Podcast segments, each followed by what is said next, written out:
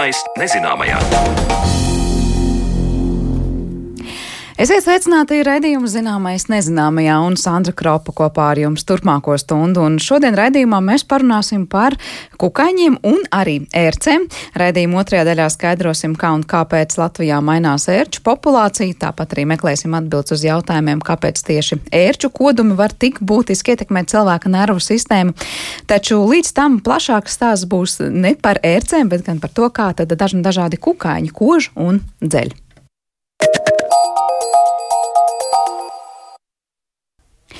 Kodēji un dzelēji tā mēs varam iedalīt kukaiņus atkarībā ar kuru galu tie vai nu uzbrūk, vai aizsargājas, vai barojas. Un tāpēc turpmākajās minūtēs mana kolēģe Zana Lāca interesēsies, kā kurš kukaiņus kož vai dzeļ, un vai arī tādi miermīlīgi kukaiņi kā tauriņi mēdz kost.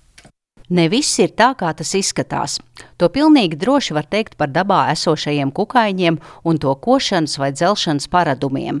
Ja paskatāmies piemēram uz karalisko dišspāri, kuras ķermenis ir aptuveni 10 cm garš un kura kā medniece ir apveltīta ar lieliem žokļiem, tad tās kodums cilvēkam ir krietni nekaitīgāks salīdzinot ar biti, kuras dzēliens satur indi, kas cilvēkam ar alerģisku reakciju var izraisīt nopietnus veselības traucējumus.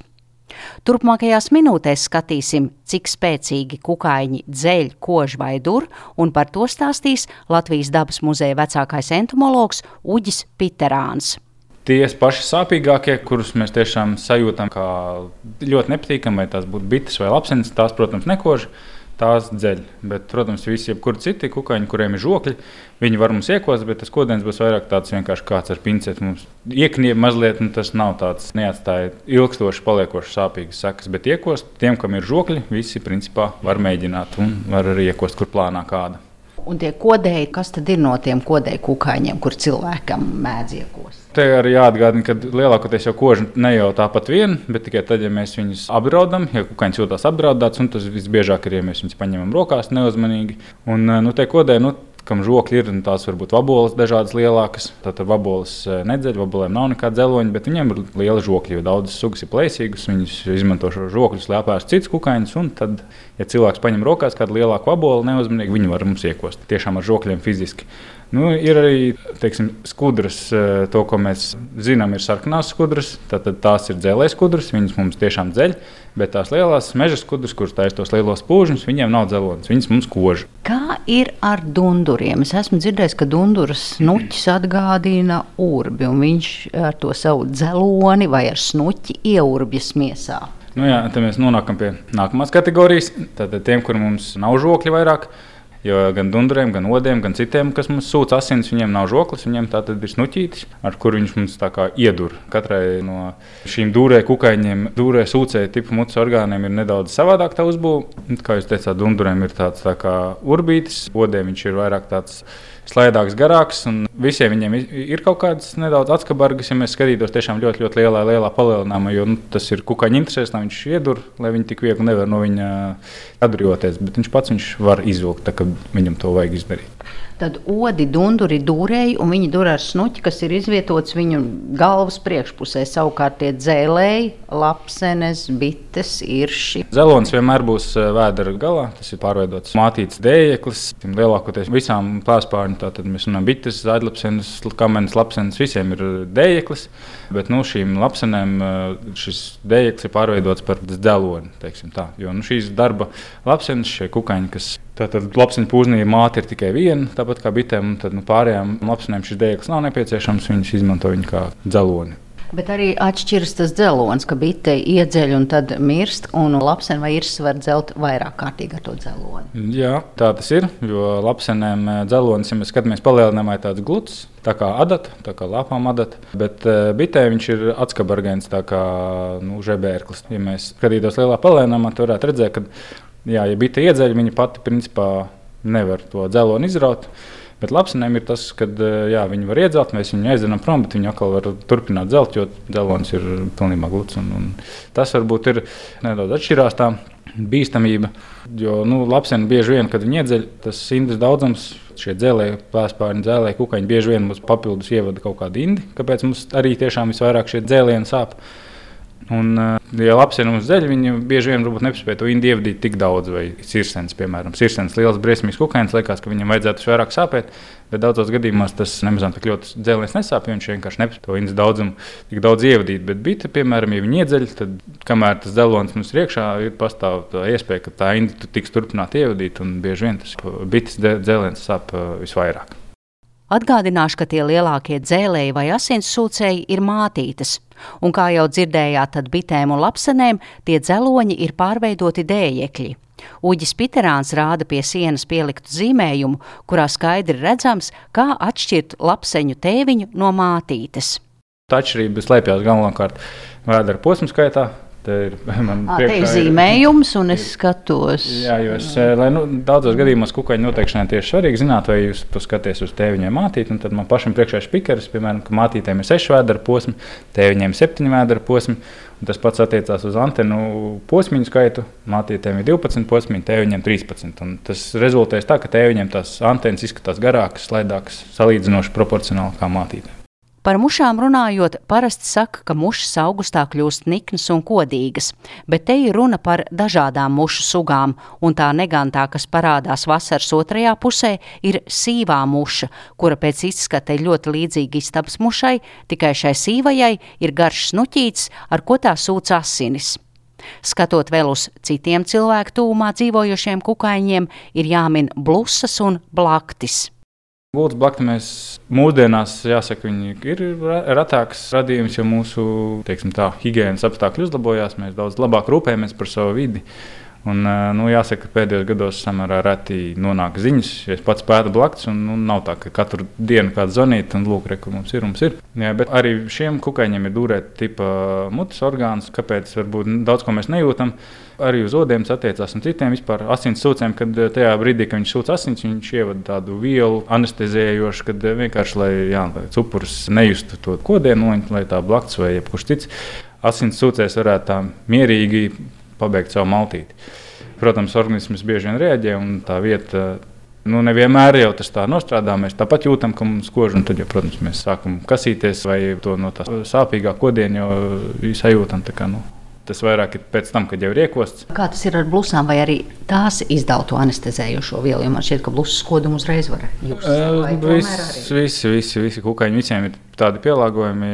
Tas varbūt ir Jautājums, cik tas labi nostrādā, bet visi, visi ar savām sieklām izdala kaut kādas. Tie sastāvdaļas ķīmiski atšķirās, protams, starp sugām, dzimtām, bet eh, visi izdala. Kā zināms, mūsu platuma grādos bīstamākais nevis kukainis, bet, pareizi runājot, bezmukurkaulnieks ir ērce. Tās mutes orgāni ir ļoti atskabargaini, un tāpēc ir vajadzīga prasme pareizi to noņemt, ja ērts ir piesūkusies, un bīstamība slēpjas ne jau pašā dzīvniekā, bet slimībās, ko tā pārnēsā. Bet turpinājumā Uģis Piterāns stāsta par spārēm, plēsīgiem kukaiņiem ar lieliem žokļiem. Spārēm, tiem lielajām, tīpaši dišspārēm, žokļi ir diezgan arī jaudīgi, bet jāsaka, ka spārēm ja žokļi ir diezgan ir lieli, masīvi, bet viņi nav tādi. Nu, teiksim, tā, viņi nevar saķert jūsu ādu pārāk viegli, ja jūs tiešām nebāžat tur pirkstu pašā, pašā, pašā mutē, manas pāri nekad neviena nav iekodas. Tā vispār nav nekāda bīstamība. Drīzāk varbūt varētu būt eh, jautājums par spāru kāpuriem, kas dzīvo ūdenī. Pārāk bieži mēs viņus neredzam, bet tieši šie ūdens kukaiņu kāpuri, kuri arī plēsīgi bieži vien, un vispār ūdens kukaiņi, ko mēs varbūt neasociējam ar pārāk bīstamiem radībām, ir tādi, kas var iekost vai iedurt ar savu snuķi vai iekost ar saviem žokļiem, varbūt daudz sāpīgāk. Piemēram, ūdens oboļu kāpuri ir ar ļoti gariem, asiem sirpes žokļiem, un viņi pārtiek no mazām zivtiņām un citiem ūdens kukaiņiem. Un tajā brīdī mēs viņu paņemam rokās, un tas skodiens ir eh, ļoti sāpīgs. Zinot, ka tava specialitāte arī ir tauriņu pētniecība. Tauriņi. Tiem ir, es saprotu, snuķīts, ar kuru var tikai uzlaizīt šķidrumu. Vai tomēr ir kaut kur pasaulē kāda tauriņu suga, kuram apveltīta ar kaut kādu tādu jaudīgāku snuķi? Vai? Nu, jā, tauriņi nu, ir snuķi tādiem un, un, un citiem asins sūcējiem, kas ir pielāgoti duršanai, bet jā, tauriņu snuķi ir daudz garāki, mīkstāki. Viņi tiek eh, miera stāvoklī turēti saritināti zem galvas apakšpusē. Un, jā, viņi principā nu, nevar neko ļaunu izdarīt, bet nu, ir atsevišķas sugas. Jāsaka, ka uh, pirms gadiem, desmit šķiet, nu, nepārāk sen viena no šādām sugām ir Latvijā konstatēta. Angliski viņi tā skaisti sauc par vampīru moth, jeb uh, vampīru naktauriņš. Bet viņiem šis šnuķis ir daudz īsāks, tāds stingrāks. Un, nu, tā raksta, ka naktas apstākļos viņi barojās ar dzīvnieku dažādiem asarām vai sekretēm, kas tiek izdalīti teiksim, pie acis kaktiņiem, lieliem zīdītājiem un teiksim, mājlopiem.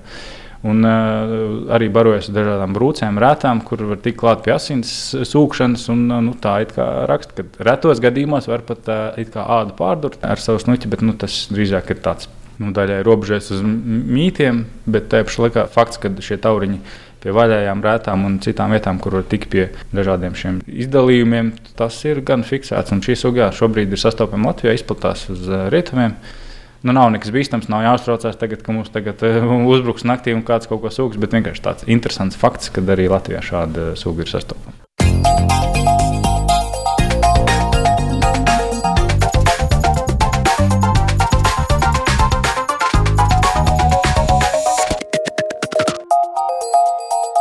Zināmais nezināmajā. Par to, ka no ērcēm ir jāuzmanās, nu šaubās droši vien vairs tikai retais. Ērču encefalīts un laimes slimība ir pietiekami nopietna saslimšanas, lai pievērstu tam uzmanību. Tomēr ērces ir daudz un dažādas, un Latvijā tiek atklāts ar vien jaunu šo zirnekļu veidīgo sugas.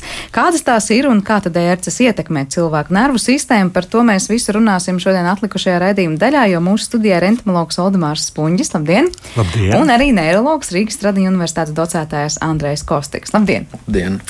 Vispirms Vispirms vaicāšu Valdemāram, nu vai mums ir zināms, cik daudz to ērču un dažādu ērču ir Latvijā? Esam tāda kā ērču lielvalsts.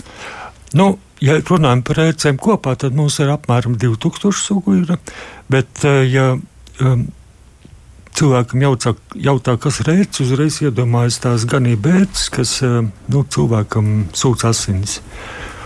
Šis ganība ērts Latvijā ir tāds, kas bīstams cilvēkam ir divas sugas, suņu un taigas ērce, Un vēl pēdējos gadus tagad, uh, krietni savairojusies ir uh, tā jaunā suga, kas ienākusi pie mums. Ir, mēs tā domājam, ka 20 gadus atpakaļ tā ir ornamentētā pļavērce, kura tagad strauji izplatās pa visu Latviju. Bet tā ir vairākus desmit gadus jau pie mums klātesoša. Vai ir kāda, kas ienāk tikai tagad un ko var fiksēt tikai kā nu, jaunienācēji? Tādas ērces mums nebūs, jo, lai ērci, kā te konstatētu, viņa Viņš jāsavairojās, jo, ja tur viennieks ienāk, tad, tad viņu ļoti grūti konstatēt. Ir.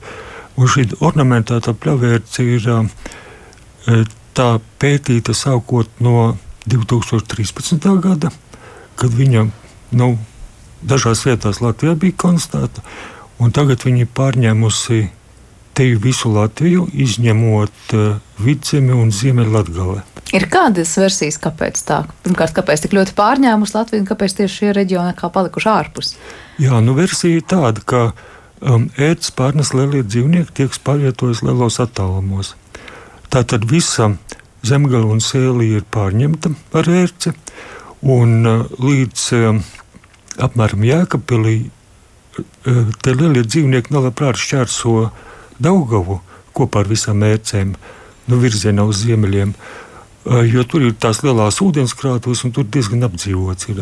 Bet sākot apmēram no Jēkabils augšpūs pa Daugavu, Daugavu vietām ir saklāti, tur dzīvnieki var vietam pat pārbrist, un tāpēc viņi ir to, to ērci pārnesuši arī uz Latgales dienvidu daļu, Latgales vidusdaļu. Un tagad, ja mēs paskatāmies izplatību, viņa vēl nav pašā ziemeļkurzemē, un Latgale viņa ir apmēram tādā līmenī līdz, līdz Rezeknei, Viļāniem. Tā apmēram šos mēs arī speciāli pētījām viņas izplatību. Bet tas ir laika jautājums, ka tā ērce varbūt pārņems pilnīgi visu Latviju. Nu, kaut vai ar cilvēkiem, nu, nezinu, kādam pieķerās uz uzrāpo, uz, uz drēbēm, un cilvēks aizbrauc uz otru Daugavas krastu un ir. Nu, tas varētu būt laika jautājums, bet tāpat laikā jārēķina, ka Ziemeļlatvijā un teiksim, vidzemes centrālā augstnē, tomēr klimats ir bargāks un varbūt viņai nav tik ļoti piemēroti, jo suga ir vairāk vai mazāk dievidnieks. Ir. Mm -hmm. No vidus Eiropas, Austrum Eiropas uh, viņi pie mums ir ienākuši. Tā kā tas atšķirības varētu būt diezgan lielas Latvijas teritorijas geogrāfijas kontekstā. Un piedāvām vēl citur viņas ir ļoti lielā skaitā. Piemēram, Kurzemes dienviddaļā, pie Tukuma. Citur ir ļoti retas, teiksim, ļoti grūti iegūstamas. Tas nozīmē, ka viņas ir sadalītas nevienmērīgi, un pēc pašreizējiem pētījumiem viņas biežāk sastopamas tur, kur ir aizaugušas pļavas un arī izcirtumos. Respektīvi, tur, kur lieliem zvēriem ir labāk barošanas apstākļi. Bet tās ir izskata ziņā mazas ērcītes, tās pļavas ērces. Tā tad pļavērce ir krietni lielāka. A, tā ir lielā. Jā, un viņa ir ātrāka un viņa ir krāsaināka. Un cilvēkiem uzbrūk galvenokārt tikai pieaugušās ērces. Un varbūt cilvēks viņam īpaši nepatīk, jo viņam patīk mataini dzīvnieki. Un, ja viņa sūta cilvēkam asins, tad parasti galva, galvas matos. Nu, man personīgi zināms tikai viens gadījums, kad šī ērts piesūkusies. Un tas bija bērns, kurš varbūt nekontrolēja. Kur iet un ko dara? Jautājums, vai ir dzirdēts, ka šogad ir manīts kaut kādas izteikti mazas ērcītes? Tas ir kaut kāda vēl nezināma jauna suga, vai tās Nē, ir? Nē, nu, ērcītes, viņas ir pavisam maziņas kā kāpuri, kurus knap var saskatīt. Tad ir nimfas, kuras varbūt ir milimetru garas, ir, nu, tad ir pieaugušās, teiksim, 3-4 mm. Tā nav ne jauna suga, nekas tā ir vienkārši jā, jau zināmā vienkārši, citā dzīves stadijā. Jā, vienkārši jauna ērce. Andrej, kā mums ir līdzīgi, ja mēs to jautājumu pārformulējam, cik izplatīta un liela problēma Latvijā ir visas tās saslimšanas, ko mēs saistām ar ērcēm, nu, jo mēs runājam par laimes slimību un ērču encefalītu? Nu, no vienas puses diezgan grūti pateikt, jā, kā jau teicu, ir diezgan grūti bijis dabūt kaut kādu tādu pārliecinošu statistiku. Jā. Bet, principā, ja mēs paskatāmies no tas, tām kārtēm, kas ir Eiropā, tad jā, mēs esam diezgan liela endemiskā zona. Visa Latvija pārklāta, Lietuva pārklāta um, Igaunija pārklāta un uh, tad arī Polija. Jā, Polija un Baltkrievijas. Un, liekas, ziemeļi ir diezgan plaši pārklāti. Esam epicentrā. Principā, jā, no vienas puses mēs esam epicentrā. No otras mums nav datu par cilvēku saslimšanas gadījumiem. Mums ir um, kaut kādi diezgan pavēci dati, cik, cik, cik es saprotu, jo nu, diezgan grūti bija to dabūt no SPKC. Uh, bet uh, varbūt viņi arī kaut kādā vēlāk nāks, uh, kas būs jau uz rudens pusi, ja kad vasara būs garām. Tad kaut kādu secinājumu, kā ir šogad, kā, kā ir salīdzinājumi pagājušajā gadā, tad um, varētu nu, iepazīties ar Latvijas infektuoloģijas centrā. Jā, tur mājaslapā parasti tā statistika tiek, tiek izlikta pēc kaut kāda laika. Kā ir ar tām ērcēm, kuras mums var atnest tās saslimšanas? Tās ir jebkuras no nosauktajām sugām, vai tikai tās trīs? Vai, vai... Tā, nu, respektīvi, visas trīs sugas ir. Tam tā, bet kā tās encefalītes, piemēram, tas nāk pati ērce, ir inficēta un viņa mums vienkārši Jā, iekož? nu, tā kā viņa ērce sūdz asins trīs reizes, ja, ja pirmā, otrā reize viņa no dzīvnieka ir saņēmusi encefalītu, encefalītu vīrusu, ja, tad tas vīrus nonāks iekalās. Nākošajā reizē, teiksim, otrajā vai trešajā, ja, ja sūdz cilvēku, ja, tad tas vīrus nonāk cilvēka asinīs. Pašai ērcei no tā nekas, tās ērces pārnēsā šo te. Man vīrusu. ir, man ir tāds aizdoms, ka tās ērces, kuras inficētas ir ar encefalītu, viņas ir aktīvākas. Ir. Es domāju, ka viņam pamainīt uzvedība ir, jo vīrusam jau arī gribās dzīvot, ja, un gribās to, lai tā ērce būtu aktīvāka un, un aktīvāk uzbrukt cilvēkam. Tie dzīvnieki, Un no kuriem primāri ērce saņem šo vīrusu, tie arī ir kaut kādā veidā inficēti un to jūt, vai tas dzīvnieks ir vesels, liekas, un dzīvot spējīgs un Jā. aktīvs. Un, Teiksim, mazie dzīvnieki, piemēram, kā strupastas, kā ciršļi, varbūt tieši, varbūt pat zaķi, viņi noteikti eh, izteikti slimo, un iespējams viņam ir mirstība. Ir. Ir īpaši tādiem sīkajiem grauzējiem. Lielie dzīvnieki man šeit no encefalīta necieš. Kas notiek ar cilvēku? Kas īsti notiek ar mūsu nervu sistēmu tajā brīdī, ja cilvēks saskars ar šo ērces kodumu, kas nu, to vīrusu tomēr ir atnesusi? Būtībā nu, mums ir vairāk izplatīts Eiropas tips, jo, nu, tad, tad, ja mēs runājam par erķu encefalītu, tad viņam ir vairāki subtipi. Mūsu tas tāds, kas, kas jau droši vien ir iegājis no, no, no, no citām zināšanām, attiecīgi tas Eiropas subtips izpaužās ar um, divu viļņu gaitu. Jā. Pirmā ir Pirmais vilnis ir ar lielu temperatūru, un tāda, kā parasti saka, gripām līdzīgie simptomi, jā, kas visi ir attiecīgi nu, temperatūra līdz 39,40 grādi, jā, vājums, nespēks. Reakcija uz gaismu var būt, pēc tam arī dažos gadījumos slikta duša, vēmšana. Tālāk jau pāriet, tad šī gadījumā vīruss izplatās pa organismu, Un, kad šie simptomi ir jau pazuduši, nu, varētu sākties jau tāds sākamais otrais vilnis. Un otrais vilnis mums raksturojās ar to, kā šī gadījumā tiek iesaistīta nervu sistēma vai tās daļas. Primāri, ja tiek iesaistīti smadzeņu apvalki, tad līdz ar to mums ir meningīts, smadzeņu apvalku iekaisums, kas ir arī visbiežākā forma cilvēkam līdz nu, 50% gadījumos tā iet. Tālāk viņi var pāriet no apvalkiem uz pat smadzeņu vielu. Tad mēs sakām, ka šī gadījumā tas ir meningoencefalīts, viņš nāk secīgi. Un tas ir kaut kādi 40%. Nu, un pārējais, kad arī tas vīrus izplatās nervu sistēmā, Visbīstamākais variants jā, ir meningoencefalomielīts. Šī gadījumā tiek iesaistītas arī muguras smadzenes. Parasti tas cilvēkam ir kakla daļā.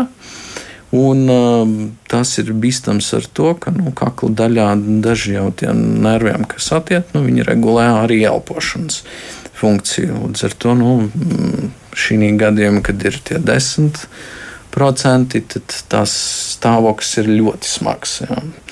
Tad šis cilvēkam, šim pacientam būtībā ir jāatrodas slimnīcā, intensīvas terapijas nodaļā, jā, ar mākslīgo ventilāciju un pārējo. Bet, um, jebkurā gadījumā, arī meningīts šī gadījumā nav tik, tik vienkārša un prasta lieta. Un līdz ar to arī šie pacienti nonāk slimnīcā. Arī, nu, šobrīd arī saslimstība ir. Katru nedēļu apmēram pāris pacienti tiek stacionēti slimnīcā ar meningiālo formu. Bet tad, ja ir meningīts, tur ir liela varbūtība, ka tas ir, kā saka, ērčencefalīti izraisīts meningīts. Jā, tieši tā, viņš arī, viņš arī tā arī saucās, jā, nu, ņemot vērā. Kā, kā to mēs nosakām, gan smadzeņu šķidrumā, gan asinīs. Mēs nosakām antivielas, ka tas ir um, standartizēts Eiropā. Uh, Un tad mēs sakām, ka šīs ir ērču encefalīta izsaukta meningiālā forma. Tas laiks, ko jūs teicāt ar to pirmo stadiju, kad ir tā paaugstinātā temperatūra un gripē līdzīgie simptomi, un to otro, kad jau veidojas šis, te, nu, ja tā vienkārši sakam, smadzeņu iekaisums, ja tā drīkst teikt, drīkst jā, tā teikt. Jā, jā. Nu, varam teikt. Jā. Tas ir tā secīgi pārējuši viens pēc otra, vai cilvēks var vispār uh, izslimot liekas kaut ko. Bieži, bieži, vien, tam... bieži vien ir pārējoši no viena, tad, uh, no viena uz otru. Arī pat, uh, ja teiksim, nu, pirmās stadijas beigās, ja cilvēkam tam, tomēr temperatūra ir 39. 40 gradi, nu, viņš jau vēršas pēc palīdzības. Nu, un principā jau viņš kaut kādu laiku, ja viņam ir bijis domas par kaut kādu gripu vai vēl par kaut kādu augstēšanu, kad viņš jau vēršas pie ārsta, tad jau arī nosaka to, ka viņam viss, viss jau principā notiek. Kas tajā brīdī ir tā ārstēšanas pamatlieta? Vienkārši novērš iekaisumu, kas ir ap šo smadzeņu apvalku, vai nu, kāda ir tā schēma? Ja tā vienkārši nu, mm, jā, vienkāršot, tad, protams, nu, kāpēc mēs tik ļoti cenšamies popularizēt, ja tā drīkst teikt, vakcināciju Jo būtībā kaut kāda specifiska terapijas vai pretvīrusa preparāts, vienkāršot runājot, kas, kas varētu apkarot tāda pagaidām nav izgudrots. Līdz ar to tas pagaidām ir atbalsta terapija, jā, tad ir antipirētiskā, kad, kad mēs mazinām temperatūru, šķidrumu, lai mēs izvedam pēc iespējas vairāk, lai mēs nodrošinām arī elektrolītu disbalansu cilvēkam, jo viņš arī ar tādu augstu temperatūru zaudē gan sāļus, gan arī nepieciešams nu, viņam vietas arī. Um, tā kā tas cilvēks, nu, tas stāvoklis um, izskatās diezgan padrums, jā, jo cilvēks ir miegains, viņš ir kavēts, um, viņš varbūt ir tāds nu, neteiktu kā agresīvs, bet viņš diezgan ir um, ar tādu asu reakciju uz kairinātājiem. Jā. Jo arī sekas pēc, pēc visām šīm lietām ir arī varētu būt gan, gan, gan psiholoģiskas, gan arī nu, fiziskas. Jā, jo pēc, pēc bojājuma, kā ja ir īpaši jā, meningoencefalīts, nu, tad cilvēks var palikt paralizēts, cilvēks var palikt ar elpošanas mazspējām, jā, nu, un arī ar visplašākā ziņā ir ar dažādām kognitīvu funkciju izmaiņām. Un arī ir gadījumi, kad ir reģistrēts nu, postterču encefalīta psihozes. Līdz ar to tas spektrs nu, pēc smadziņu bojājums ir diezgan plašs. Ja ir veikta vakcinācija, kāds ir tas nezinu, scenārijs, kas notiek tajā brīdī, kāpēc cilvēks katrs nāk saslims, bet vieglāk vai nesaslims tomēr? Nu, apmēram jā, tā vienkāršot runājot, jā, ka cilvēks, kad, kurš ir vakcinējies, tad tas organisms būtībā ir jau aprīkots ar antivielām, kas varētu piesaistīt to vīrusu. Līdz ar to, nu, Um, tā, ja mēs runājam vienkārši, tad uh, varbūtība, ka viņam būs kaut kādas tas komplikācijas, kas ir smadziņu bojams, nu, tas risks ir mazāks. Kas notiek, ja cilvēks vienreiz jau ir saskāries ar ērču encefalītu, nu, piemēram, ērtas kodumu, kas ir bijusi inficēta un izārstējies vai ārstējies, un ja iekož otro reizi, vai cilvēkam dabiski ir tās antivielas? Lai... Jā, viņam, viņam paliek antivielas, jā, jo nu, mūsu imūnsistēma tika apmācīta. Viņi jau sāk atpazīt šo vīrusu, līdz ar to jā, viņam saglabājas antivielas. Tas nav tā, ka daudz cilvēku saka, nu, ja vienreiz tev ir iekodus tā inficētā ērta, tev ir imunitāte tagad, un tas ir tā kā tu esi vakcinēts. tas ir tāds um, ļoti interesants jautājums, jo brīžiem um, arī tiem kolēģiem, kas ir, kas ir Eiropā, viņiem rodas jautājumi, vai tiešām nu, tas antivielas vispirms viņam ir jābūt noteiktā uh, daudzumā, viņam ir jābūt arī aktīvam, lai viņi varētu apkarot to vīrusu. Uh, līdz ar to, mm, jā, cilvēkam iekodē inficētā ērce, viņš ir pārslimojis, nu, ticama, ka viņam ir tā imunitāte. Bet eh, vai viņa nekritās pēc pāris gadiem, to mēs arī nezinām. Līdz ar to šī gadījumā tik un tā, tāpat kā mēs vakcinējamies pēc vakcinācijas um, schēmas, vakcinācijas kalendāra, tāpat arī būtu arī šim cilvēkam jēga pārbaudīt tas antivielas pēc laika un tomēr kopā ar um, ārstu izlemt jautājumu par revakcināciju. Vai vajag vai, vai nevajag, lai tomēr būtu joprojām pasargātām. Jo nu, tas, tas um, im, imunitāte, nu, viņi jau ticamāk nesaglabājas visu mūžu garumā. Arī saka, ka tagad dažas uh, infekcijas, kas, ko mēs vakcinējam bērnībā, kā arī nu, visiem varbūt nav tik, tik noturīga imunitāte ilgtermiņā. Mm. Aldemār, kāda mums ir apjausma, vismaz pētnieki var noskaidrot, nu, cik lielā procentu daļā mēs varam teikt tās ērstas, kas Latvijā ir, ir tās, kas pārnēsā šo encefalītu? Vai tā ir liela daļa vai tā ir maza daļa populācijas? Nu, patiesībā tā ir maza daļa. Ir pēc biodatiem tie ir apmēram 3%.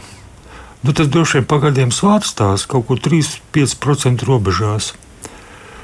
Un, uh, cilvēkam jau jā, jāsaprot sakarība. Ir, uh, ēču kodums un pēc tam kaut kādas komplikācijas, kaut vai tie paši gripas simptomi. Jo vienmēr uh, jāpasako, tas parasti notiek kādu nedēļu pēc tam. Jā? Nu, klasiski mums uh, ir uh, pēc, pēc, pēc, pēc datiem. Ir, uh, Visvēlākais pacients ir reģistrēts pēc 28 dienām, mm -hmm. visātrākais divas dienas. Nu, tas vidus, kas ir tā klasiski, mm. tiek pieņemts 7 līdz 14 dienām. Aha. ir inkubācijas periods. Tātad cilvēkiem vienkārši jāuztver tā sakarība starp pērci un, un, un saslimšanas pazīmēm.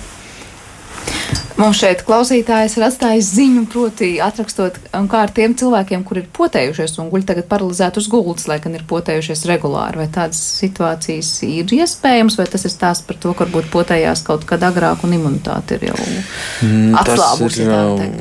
Diezgan tāds sarežģīts jautājums, jo tas ir um, tāds jautājums vispārēji vai, vai tā, jo īstenībā nevarētu pateikt, ka mēs tādu gadījumu zinām.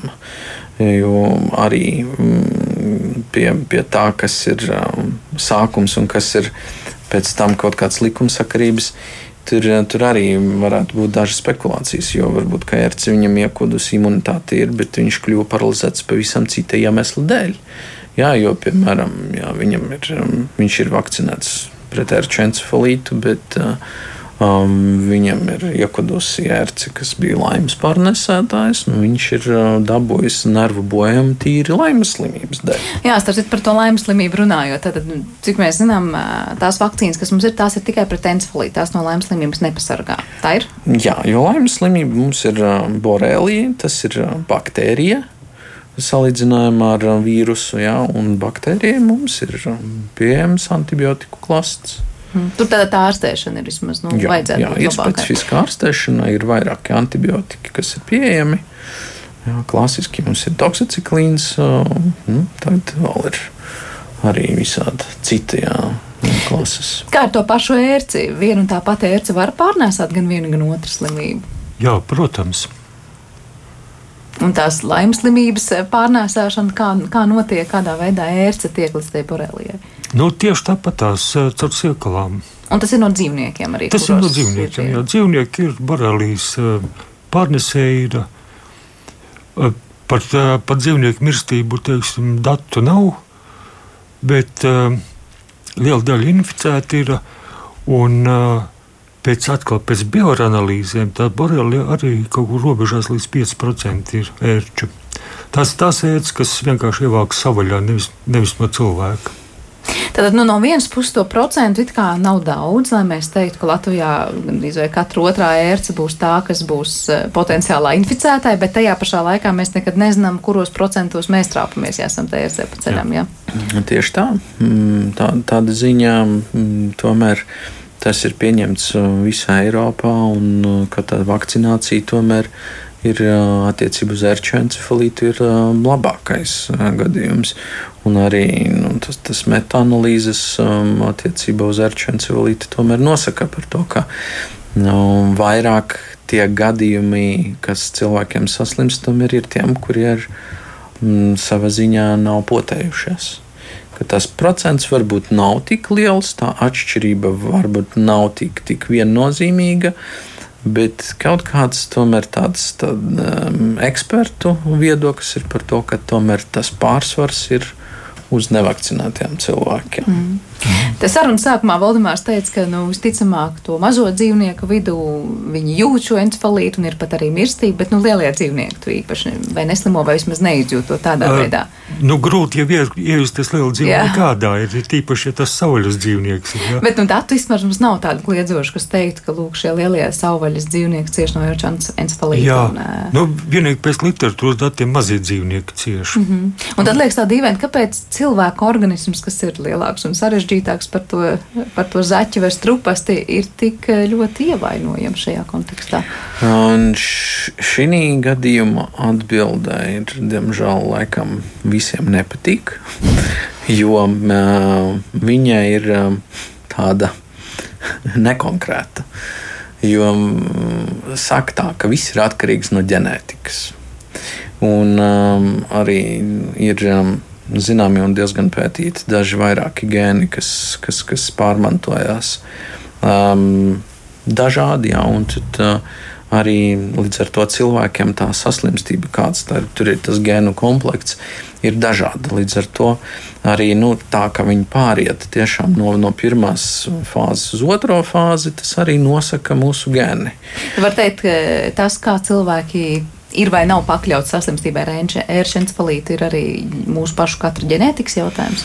Daļēji, daļēji jā, jo mm, atkarība no tā, kāds, kāds, kāds mums ir genu komplekts, nu, tad, eh, jo joprojām um, ir, ir dažas teorijas, kā vispārībā ērci, kur ir piesukusies, un tad um, ir devuši to ērču encefalītu, kā tad tomēr tas encefalīts nonāk līdz uh, nervu sistēmai, jo nervu sistēmā ir diezgan uh, slēgta, slēgta lieta. Jā. Tur tikt tik vienkārši arī nevar. Jā. Līdz ar to, lai mēs, mēs nosakām kaut ko nervu sistēmā, mums ir obligāti jāņem smadzeņu šķidruma analīze. Jā. Tad, tur ir tāda, tāda barga metode, jā, kā, kā mums ir jāņem un jāveic to lumbalu punkciju, lai, lai mēs tomēr precīzi sākam vai ir vai nav. Tas būtībā ir gandrīz pat aizsnu no nervu sistēmas. Jā.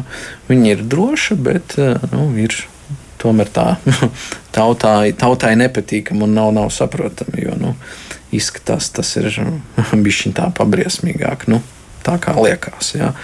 Um, līdz ar to, kā viņi nonāk līdz uh, nervu sistēmai, nu, viena lieta ir domas par to, kā tomēr te asinsvadi izlaiž cauri to um, vīrusu iekšā nervu sistēmu. Viena domas ir par to, ka viņi tomēr nokļūstot um, līdz nervgaļiem, tomēr viņai varētu kustēties un tas vīrus varētu būt pārnests pa Mm, nervu galiem, jo viņš izplatās pa, pa gliālām šūnām, jā, kas, kas apklāj to nervu un, un, un sabojā to pa priekšu.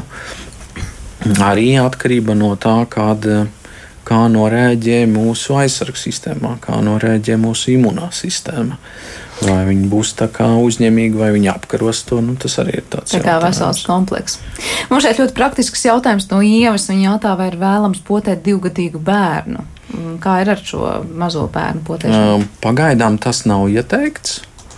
Pēc, pēc, pēc standartiem Eiropā un arī pie mums bērns, kur, kur iesaka potēt, ir no 5 gadu vecumā līdz tam kaut kādu baigo pētījumu par to nav, un arī pagaidām nav ieteicams. Tomēr labāk censties nu, izvairīt un, un pasargāt bērnu es no, no ietekmes. Kad cilvēki, kas dodas regulāri dabā un arī pēta ērces, paši nu, droši vien ir atraduši kaut kādas nezinu, sistēmas, kā sevi labāk pasargāt. Ja, protams, viena lieta ir vakcinācija, bet, piemēram, nu, kā, ir kādi ieteikumi, kā, piemēram, rīkoties, ja ir mazs bērns un, un kaut kur ir tā kaut vai piemājas zālīt, kurā to ērci. Nu, jā, nu es, protams, ērci pētu un mans pienākums ir doties dažādās vietās, kur ērts ir, un nebaidīties no ērcēm.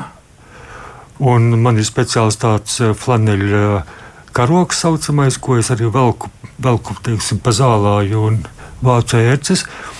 Un es varu teikt, ka ir eh, tādi biotopi, kas samērā droši no, no ērcēm. Piemēram, sausie priežu meži. Tur, protams, ir ērces, bet viņas ir ļoti maz. Tur varbūt nav jābūt tik piesardzīgiem. Uh, piesardzīgiem jābūt ir um, aizaugušās pļavās, kā es pirmie teicu. Uh, dažādos mežos, varbūt tādos bišķiņos, tādos vidēji mitros, tur, kur ir apakšā zāle auga. Tur uzturās sīkie grauzēji, tur uzturās lielie zīdītāji, un tur uh, var sakot, lielāka varbūtība atrast. Ir. Saulainas, ēnainas vietas, vai tas ir radītājs? Jā, pavasarī, piemēram, ir tā, ka saulainās vietās ēdas ir biežāk sastopamas, jo tur ir tie dzīvnieki vairāk uzturās, jā, teiksim, mežmalās. Un tur arī pavasaros viņas ir, viņa aktivitāte agrāk nekā dziļāk mežā ir. Vasarā, protams, karstajā laikā uz lauka atrast viņas būs pagrūti, bet viņas būs mežos lielā skaitā. Un tad atkal lēnākās vietās vasarā. Un tagad ērču aktivitāte tagad bišķiņ mazinājusies uz rudeni. Ir, viņas jau, kuras tikuši pie dzīvnieki paiduši, bet vienalga tās, kas vēl badā, viņas noteikti vēl mēģinās pieķerties. Un tagad ir teiksim, sēņu ogu laiks, un cilvēki tagad biežāk uzturās mežos. Nu, galvenais jau skatīties uz biksēm. Varbūt zābaks un uz biksēm skatīties. Es ķerot ērces ar savu to karogu, arī novācu ērces no karoga, bet tā kā es eju karogam pa priekšu, man noteikti biksēs ieķeras kaut kas jau. Un, Un tas tiek pieskaitīts nu, pie tās populācijas, pēršu populācijas tie paraugi. Tad tie ir tie, kas arī, saka, pētījumā iekļaujas. Jā. Ir tas augstums, līdz kuram jāskatās, nu, tā zāle vai krūms, vai, un, un kura kalna mēs varam būt droši, kā saka, no, no koka viņas lejā nekritīs. Jā, tipiskā gadījumā, teiksim, gan ir bērns uzturās augstumā līdz 30 centimetriem. Tas nozīmē, ja ir pusgara zābaka, tad viņas pie zābaka nepieķersies. Savukārt, orna ornamentētā pļavērts viņiem patīk līdz 50, 60 cm augstumā. Tas nozīmē, apmēram pieaugušam cilvēkam ceļa augstumā. Ja? Tas nozīmē, īsie zābaki nepasargās.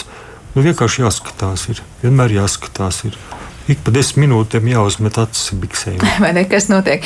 Un noslēdzot šo sarunu, cik izzināta šī saslimšana un viss tas, ko ērces mums var atnest, ir, ir neiroloģija vai vispār zinātniskās pasaules vidū? Vai tā vēl ir slimība, kur daudz nezināmā un, kā saka, daudz jautājumu, ko šķietināt? Um, diezgan sarežģīts jautājums, jo nu, grūti izmērīt, jā, tā, cik, cik ir zināms. Um, teiksim tā, no vienas puses mēs zinām, ka, kādas slimības tā ērce var atnest, zinām, kādas, um, kādas viņiem ir izpausmes. Um, protams, dažas uh, slimības nav tik vienreizēji un, un skaidri un gaiši, jā, ka šeit ir encefalīts, te ir borelī, tur vēl ir arī pārējās, jā, jo mērķis pārnesa daudzas slimības. Jā. Vienkārši, ka mēs esam endemiska zona, mēs šeit vairāk runājam par tām pašām borelijām un to pašu ērču encefalītu. Kā cilvēks um, reaģē uz šīm slimībām. Tas vēl joprojām ir uh, daļa izpētes jautājums, jā, kurš, kurš ir vairāk uzņēmīgāks, kurš nē, tāpat kā, kā, kā tikko pieminējām par to, ka kur ir tā varbūtība, ka tieši konkrēts cilvēks saslimst ar konkrētu saslimšanu, mm, grūti pateikt. Jā. Attiecīgi par um, ārstēšanas iespējams, jā, mums vēl nav viss zināms. Mēs ceram, ka varbūt kaut kāds jaunāki preparāti nāks gaisā, un tad tomēr mums būs iespējas kaut ko ar to izdarīt un apkarot tas, tas, tas slimības. Nu, pa to, kā joprojām šī vīrusi un, un saslimšanas cirkulē, jā, viņas ir, viņas, viņas arī būs. Um, līdz ar to. Nu, cerams, iemācīsimies tikt ar tām labāk galā. Ka, ka cerams, nu, tas ir, ka jāsaka, ka Um, tas ir paša, paša cilvēka ziņā. Pašam cilvēkam ir jābūt uzmanīgam, pašam Jā. cilvēkam jāskatās un um, jābūt atbildīgam par sevi, par saviem tuvējiem, par to, kā ir jācenšas mazināt to saslimstības risku. Tas, tas ir tas katra cilvēka pienākums. Jā. Mm. Līdz ar to, kādas iespējas mums ir dotā brīdī, ir, mums viņas ir, manā skatījumā, ir jāizmanto. Jā. Jā. Šodien mēs tā runājam par ērcēm kā lieliem grēkāžiem, sanāk, bet, protams, neaizmirsīsim, ka līdzīgi kā ērces, tāpat arī odu un daudz kas cits, protams, mums pārnēsās slimības, bet tām visām ir sava vieta un loma arī dabā, par kur mēs esam runājuši arī šajos raidījumos citās reizēs. Bet liels mums paldies par šo sarunu. Mēs dzirdējām entomologu Valdemāru Spunģu un neirologu Rīgas Tradiņu universitātes docētāju Andrēju Kostiku šodien pie mums raidījuma zināmais nezināmajā studijā. Ar to arī raidījums ir izskanējis, par to parūpējās producents Armīta Kolāte, mūzikas redaktors Girds Bišs, Kristaps Eida bija izskaņu režijā Sandra Kropa studijā. Mēs tiekamies atkal rīt. Visu labu!